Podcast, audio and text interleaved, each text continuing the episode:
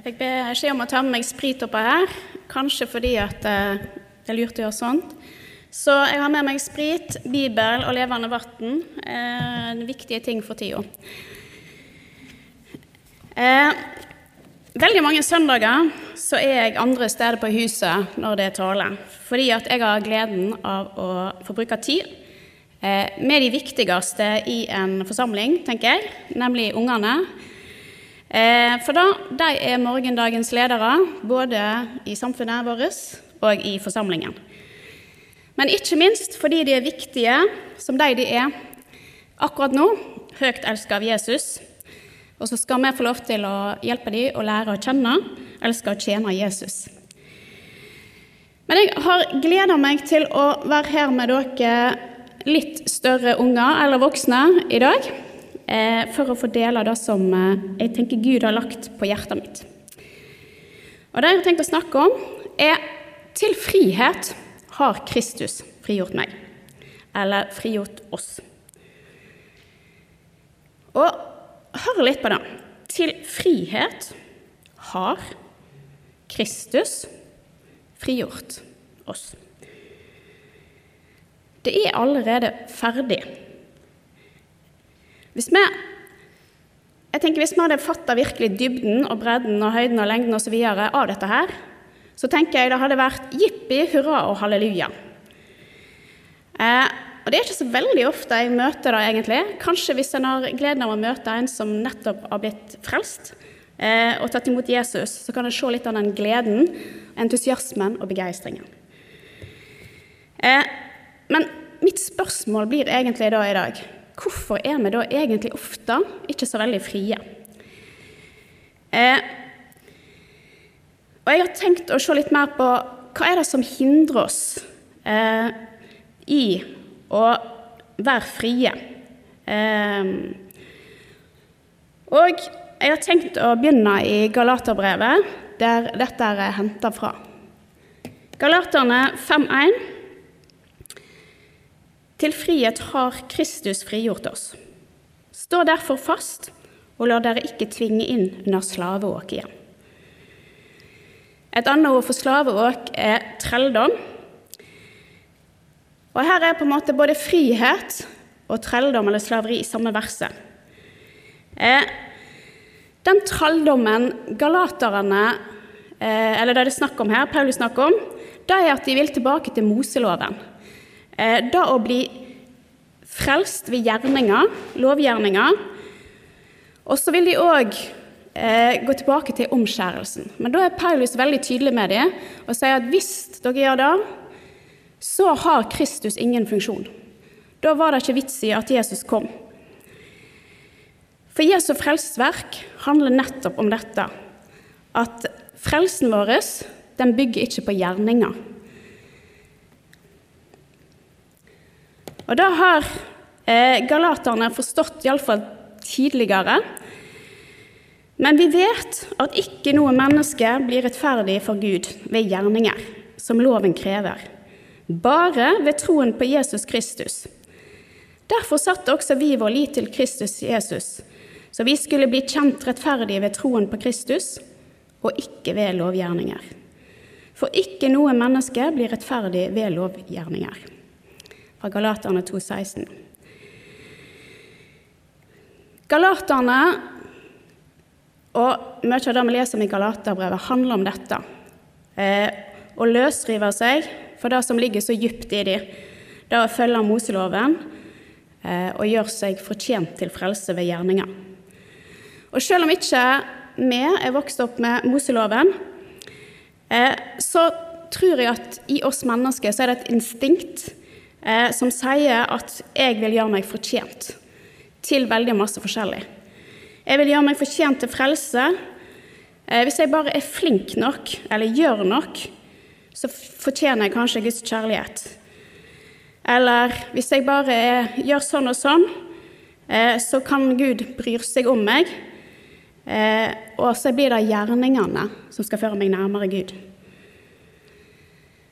Men det eneste vi kan komme til Gud med, det er need og nothing på godt norsk, altså behov og ingenting. Og det å komme med ingenting tror jeg faktisk er vanskelig for oss. For vi er så flinke til masse forskjellig. Altså Gud har skapt oss med masse evner og anlegg. Så det å komme til Gud med ingenting, det er på en måte langt ifra det som ligger i oss. Og det er jo det som er på en måte mange religioner, eh, er at en skal gjøre seg frelst på ulike måter. Men Gud, han er annerledes. Alt er av nåde ved tru. Og nåde betyr gratis. Jeg kan ikke gjøre noen ting. Det er allerede gjort. Og et mer kjent vers tror jeg er det som er i Efeserne. For av nåde er dere frelst ved tro. Det er ikke deres eget verk, men Guds gave. Det hviler ikke på gjerninger, for at ingen skal skryte av seg selv. Jeg tenker at eh, det å få lov til å hvile i Guds nåde er viktig. Hvile på at det er nok det som Jesus gjorde, og at jeg ikke trenger å gjøre mer. For jeg tenker at det er viktig for oss å ha kristenlivets hvileposisjon og hvilepuls. Det er i Guds nåde. Men dessverre så møter vi på anklage, tvil, vantro. Og noen sliter med frelsesvisshet. Kan jeg virkelig tro at Jesus har frelst meg? Eh, jeg har lyst til å dele to enkle bilder eh, som har hjulpet meg til å få lov til å hvile i det som Jesus har gjort, og i Guds nåde. Fordi at det å være i Guds nåde, å få lov til å leve i Guds nåde, det er som å være inne i dette rommet her. Her kan vi gjøre masse forskjellig. I dag har vi allerede sunget, bedt, lett. Men det går an å snuble. Det går an å gjøre galne ting. Eh, jeg kan ta noe som ikke er mitt. Men uansett så faller jeg på en måte ikke ut av dette rommet. Ja, jeg kan aktivt velge å gå ut døra, men jeg faller ikke ut av rommet. Og Sånn er det å få lov til å leve i Guds nåde. Den frelsen og det Han har gitt oss, det faller ikke bort, selv om jeg gjør galne ting. Fordi at det er Jesus som har gitt oss dette her. Og så tenker jeg litt sånn enkelt at vi som kristne kan være på et nådekrus til himmelen. Ikke fordi at eh, kristenlivet oppleves så fantastisk cruiseliv og sånt, eh, men det handler om jeg er om bord i båten eller ikke. Og Det å være om bord i en båt kan være veldig forskjellig. Jeg kan stå sammen med kapteinen, full oversikt og kontroll. Eh, jeg kan være i messa og spise mat. Jeg kan være Ja, jeg kan ligge og sove. Eller jeg kan være langt ned i maskinrommet, der det er bråkete og støyete. Eller kanskje jeg står over rekke og spyr. Men det å være om bord i en båt kan oppleves veldig forskjellig, og kristenlivet kan oppleves veldig forskjellig. Men det handler om om jeg er om bord i båten, altså i Jesus, eller om jeg ikke er om bord i båten. Og Det tenker jeg er en sånn viktig nøkkel for å få lov til å hvile i Guds nåde. Det handler om det Jesus har gjort, eh, og ikke om meg. Og Da er det en viktig nøkkel til. For galaterne de har fått hørt fra Galaterbrevet 2,20. Jeg er korsføttet med Kristus. Jeg lever ikke lenger selv, men Kristus lever i meg. Det livet jeg nå lever som menneske av kjøtt og blod, det lever jeg i troen på Guds sønn, som elsket meg og ga seg selv for meg.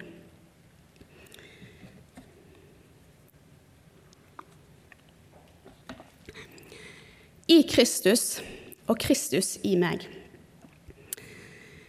Eh, utrolig viktig for trua mi, og da få lov til å hvile i frelsen.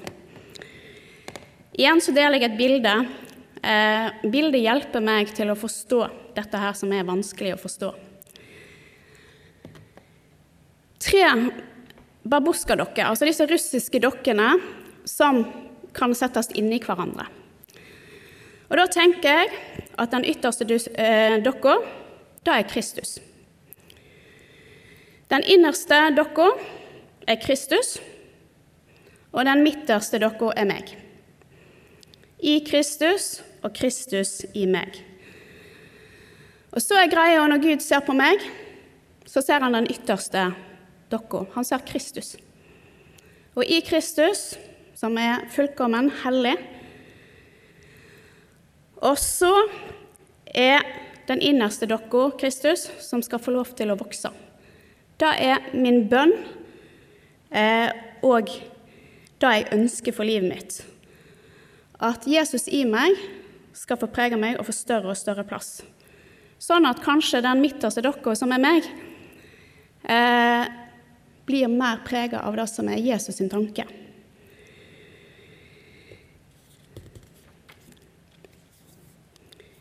Hvis jeg skal sette andre ord på dette her, så kan vi tenke oss at den ytterste dokka, det er rettferdiggjørelse. Det Jesus allerede har gjort, og som kan være gode å tenke på når vi blir anklaget av djevelen om at vi ikke er gode nok, eller at vi ikke er frelst. Eh, og så er den innerste dokka, Jesus i meg, er helliggjørelsen, som jeg er kalt til. Men ofte så tror jeg at vi glemmer eh, at det er Jesus som har flytta inn. Eh, og Bibelen lærer oss om at Den hellige ånd eh, flytter inn og tar bolig i oss når vi begynner å tro. Eh, for da er egentlig spørsmålet i hva kraft lever jeg kristenlivet mitt? Er det i egen kraft, eller er det i Den hellige ånds kraft? Eh, og dette spør eh, Paulus galaterne om. Og han er ganske sånn eh, harde ord. Uforstandige galatere. Hvem har forheksa dere? Dere som har fått Jesus Kristus malt for øynene som den korsfestede. Svar meg på én ting. Fikk dere ånden ved lovgjerninger eller ved å høre og tro? Og litt av samme som han jobber med, fikk dere frelsen ved lovgjerninger eller ved å høre og tro. Er dere så uforstandige? Dere begynte ved Ånden, vil dere nå fullføre med kjøttet? Godt spørsmål. Dere begynte ved Ånden, vil dere nå fullføre med kjøttet? Har dere opplevd alt dette forgjeves, hvis det da var forgjeves? Han som gir dere Ånden og gjør under blant dere, gjør han det ved lovgjerninger eller ved at dere hører og tror. Jesus han ba disiplene om å vente på noen når han skulle sende disiplene ut, fordi at de ikke skulle gå i egen kraft. De trengte Den hellige ånds kraft. Eh, fra apostelgjerningene 1,8.: Men dere skal få kraft når Den hellige ånd kommer over dere, og dere skal være mine vitner i Jerusalem og hele Judea, i Samaria og helt til jordens ender. Vi har fått Den hellige ånd. Eh, men jeg tenker at ofte så lever vi sånn at vi ikke tenker på at Den hellige ånd bor i oss. Og Jeg ser det av og til for meg som i stua mi eller kjøkkenet, om det er det rommet du bruker mest, så er det en stol der det sitter en person. Der sitter Den hellige ånd, kan vi tenke oss i bildet. Men så bare overser jeg han. Jeg tenker ikke på at han er der. Denne personen som sitter i stolen, jeg snakker ikke til han, jeg har ingen på en måte kommunikasjon med han. Eh, og jeg ser han ikke, og tenker ikke over at han er der.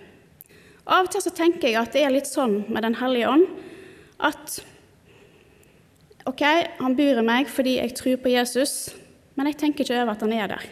Og jeg forholder meg ikke til han. Og jeg tror ikke det var sånn Gud tenkte at det skulle være. Fordi at eh, Hvis jeg skal prøve å bli lik Jesus eh, og gjøre Guds vilje, så trenger jeg Den hellige ånd.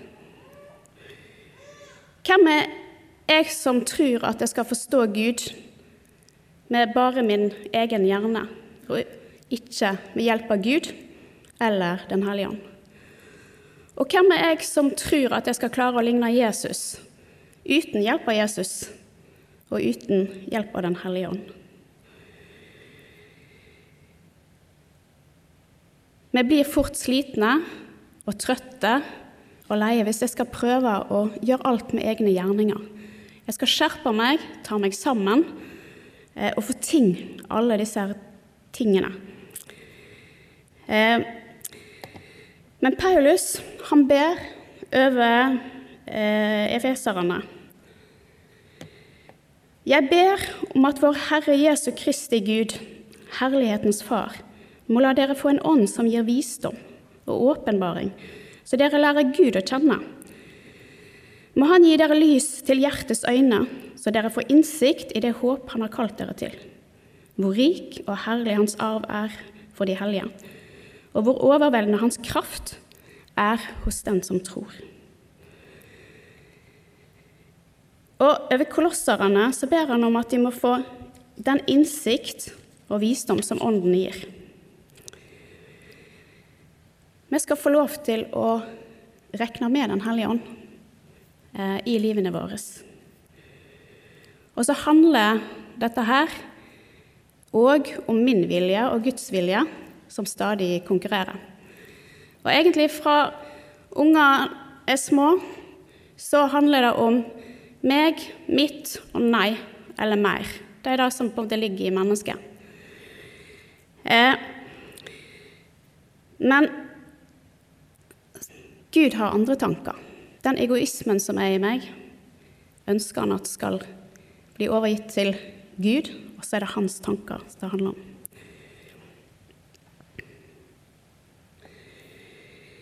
Jeg leser fra Galaterne 5, videre om livet i Ånden, og fra vers 13. Eh, Dere søsken er kalt til frihet. La bare ikke frihet til et påskudd for det som kjøtt og blod vil, men tjen hverandre i kjærlighet. Jeg sier dere, lev et liv i Ånden. Da følger dere ikke begjæret i menneskets kjøtt og blod. For kjøttets begjær står imot Ånden, og Åndens begjær står mot kjøttet. Disse ligger i strid med hverandre, så dere ikke kan gjøre det dere vil. Men åndens frukt, også i min parentes, ikke mine gode gjerninger, er kjærlighet, glede, fred, ovenbærenhet, vennlighet, godhet, trofasthet, ydmykhet og selvbeherskelse. Slike ting rammes ikke av loven. De som hører Kristus til, har korsfestet kjøttet med dets lidenskaper og begjær. Lever vi ved Ånden, så la oss også vandre i Ånden.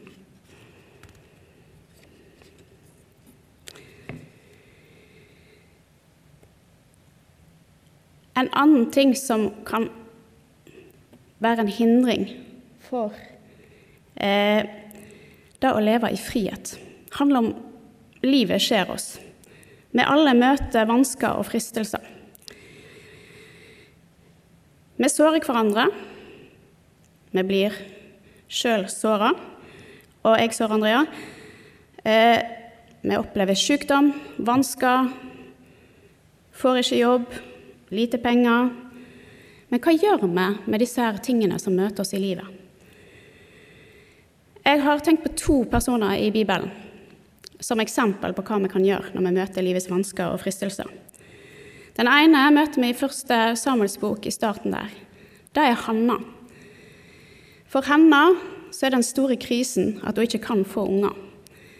Eh, og i tillegg så blir hun mobba for det. Særlig av medhustruen Peninna, som er den andre kona til Elkana. Og det er hennes store krise. Men hva gjør hun?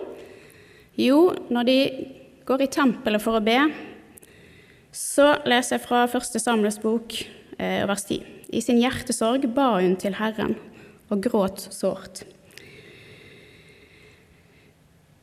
Eh, slik ba Hanna lenge for Herrens ansikt, og Eli fulgte munnen hennes med øynene. Altså Eli er presten der, og Hanna ber på en sånn måte at han mistenker henne for å være full. Da skal du be ganske intenst. Men hun svarer, Nei, Herre, svarte Hanna.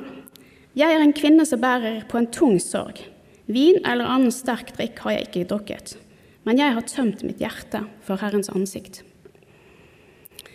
Og så forteller historien videre at Hanna får den sønnen som hun lengter etter. og gir han til Herren. Men Hanna hun kommer til Gud med sin store krise.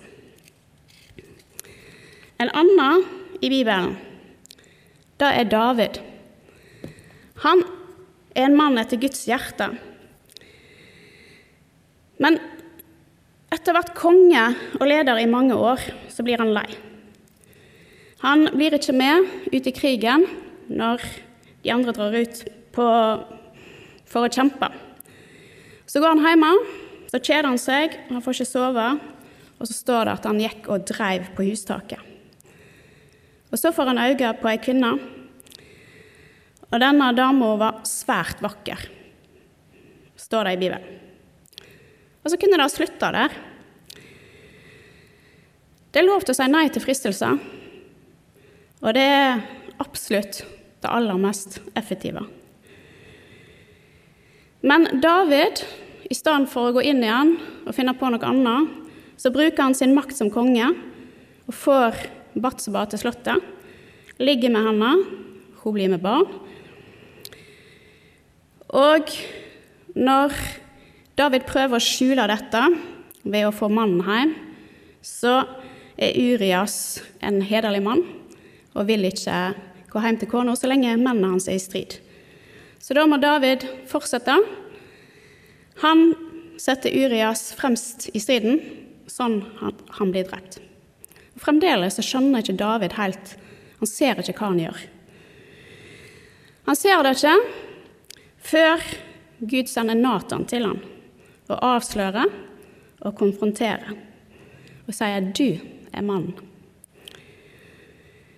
Og da er det at David sier til Nathan 'Jeg har syndet mot Herren'. Nathan svarte, 'Så har også Herren tatt bort din synd. Du skal ikke dø'. Står i 2. Samuels bok 12, 8.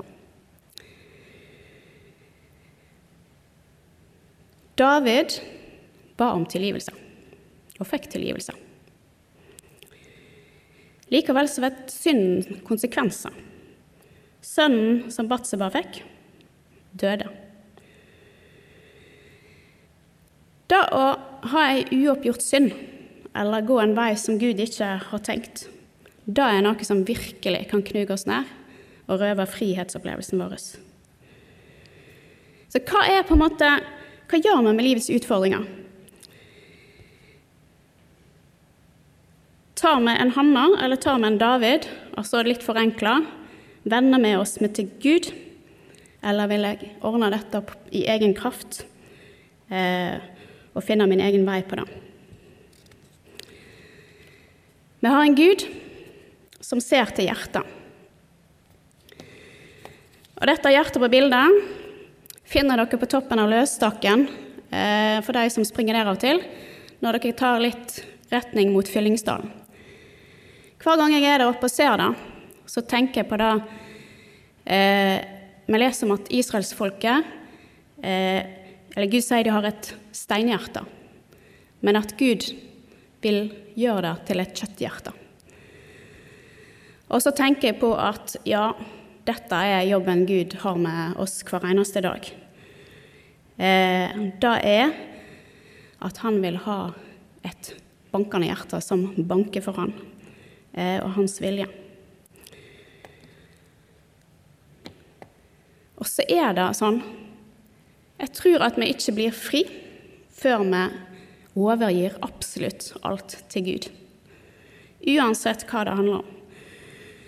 Uansett Eh, om det er økonomi, familie, jobb, venner, huset, bilen. Dårlige relasjoner. Mennesker som har makt over deg. Avhengighet, enten om det er nett eller alkohol, porno eller mat eller andre ting som binder. Guds ønske er at vi skal overgi alt. La han få lov til å løse det som binder, kutte lenker og bære det som skal bæres. Vi bærer så utrolig masse sjøl. Den siste hindringen som jeg har tenkt å snakke om, det er mange hindringer for frihet i Kristus. Men det er motstanderen. Og den skal vi være klar over er den viktigste rett og slett årsaken til at dette med frihet i Kristus er vanskelig. For er det noe han virkelig ikke ønsker, så er det dette. Og Paulus underviser om hvordan vi kan kjemper mot motstanderen i eh, Efeserbrevet kapittel 6. Og jeg leser fra vers 10. Til slutt, bli sterke i Herren, i Hans veldige kraft. Ta på Guds fulle rustning, så dere kan stå der mot djevelens listige knep.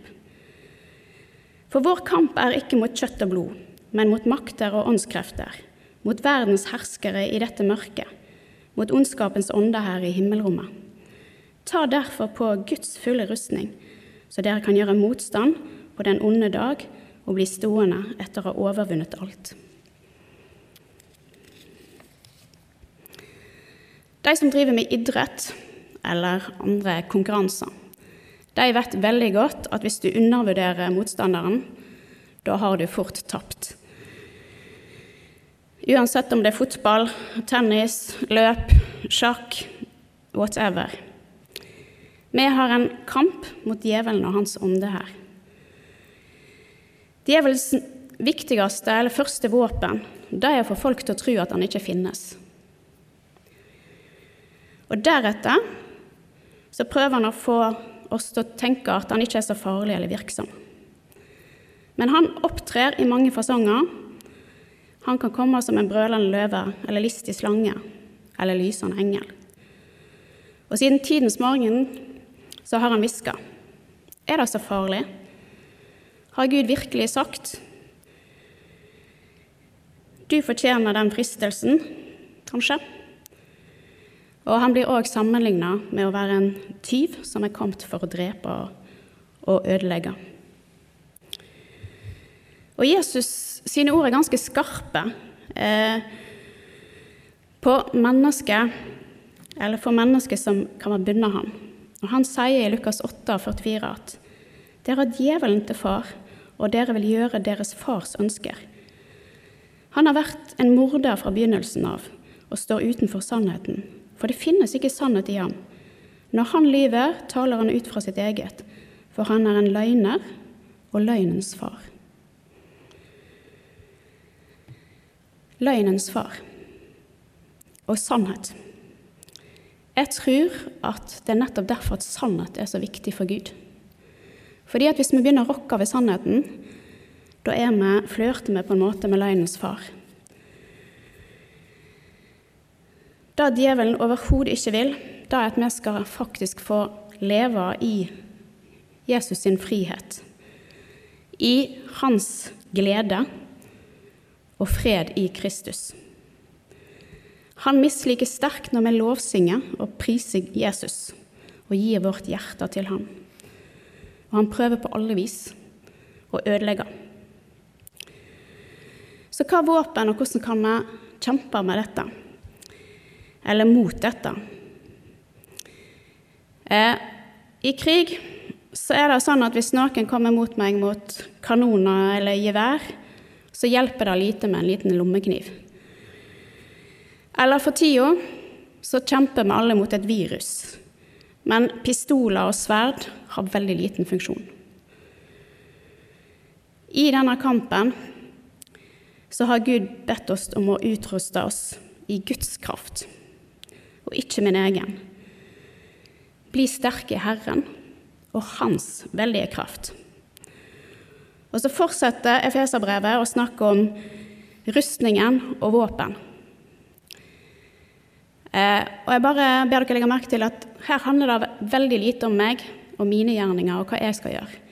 Men den rustningen handler om sannhetens belte, rettferdighetens brynje, troens skjold, frelsens hjelm, åndens sverd, som er Guds ord, og bønn. Be alltid i Ånden. Og når Jesus ble frista i ødemarken, så brukte han Guds ord til forsvar og kamp. Og da kan kanskje vi òg lære noe.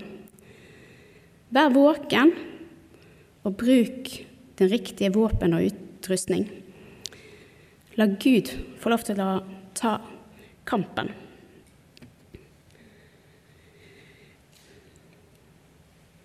Ja. Til frihet har Kristus frigjort oss. Det begynte jeg med, og det skal jeg virkelig slutte med. Jeg har nevnt hindringer for friheten. Da at våre egne gjerninger eh, vil gjøre oss frelst eller skape tru, men alt handler om nåde og tru på Jesus Kristus. Og så har jeg snakket om at hvile, eller mangel på hvile, kan være en utfordring eller hindring. Men vi skal få lov til å hvile i Kristus og Hans nåde. Og når jeg prøver å kjempe i egen kraft, eller i Guds kraft, så skal jeg få lov til å kjempe i Kristus sin kraft og i Den hellige ånds kraft. Og når jeg møter livets motstand, vansker og fristelser, så skal jeg få lov til å overlate det til Jesus. Så skal han bære det, og så skal han hjelpe. Og i møte med motstanderen så skal jeg få lov til å være beskytta i Kristus. Og så skal jeg få lov til å kjempe i hans kraft, og ikke egen kraft. Og Derfor avslutter jeg med apostelgjerninger 4,12. Det finnes ikke frelse i noen annen, for under himmelen er det ikke gitt menneskene noe annet navn som vi kan bli frelst ved. Så har jeg lyst til å fortsette at det finnes ikke noe annet navn å finne hvile i. Det finnes ikke annet navn å leve kristenlivet mitt i. Det finnes ikke noe annet navn enn Jesus i møte med livets vansker, fristelser og bindinger. Og det finnes ikke noe annet navn som beskytter mot motstanderen og alle hans ånder her. Det er ikke noe annet navn jeg kan bli fri og frimodig med enn Jesus Kristus. Til frihet har Kristus frigjort oss. Og så taler Den hellige ånd inn i livene våre forskjellige ting. Og så ber jeg om at du går på det som du kjenner i hjertet ditt, at Den hellige ånd taler til deg. Takk, Jesus, fordi at du kom til jord. Takk fordi at du frelste oss og satte oss fri til å leve i frihet sammen med deg. Og Jesus, så ber jeg om at du hjelper oss du ser hva som rører seg i oss, hva som hindrer oss i friheten. Takk fordi at i ditt navn, Jesus, så løser du lenker. Du bryter bånd, du setter fri, og du er den som kan frelse og løse ut. Takk, Jesus, for at vi skal få lov til å leve livet vårt i deg.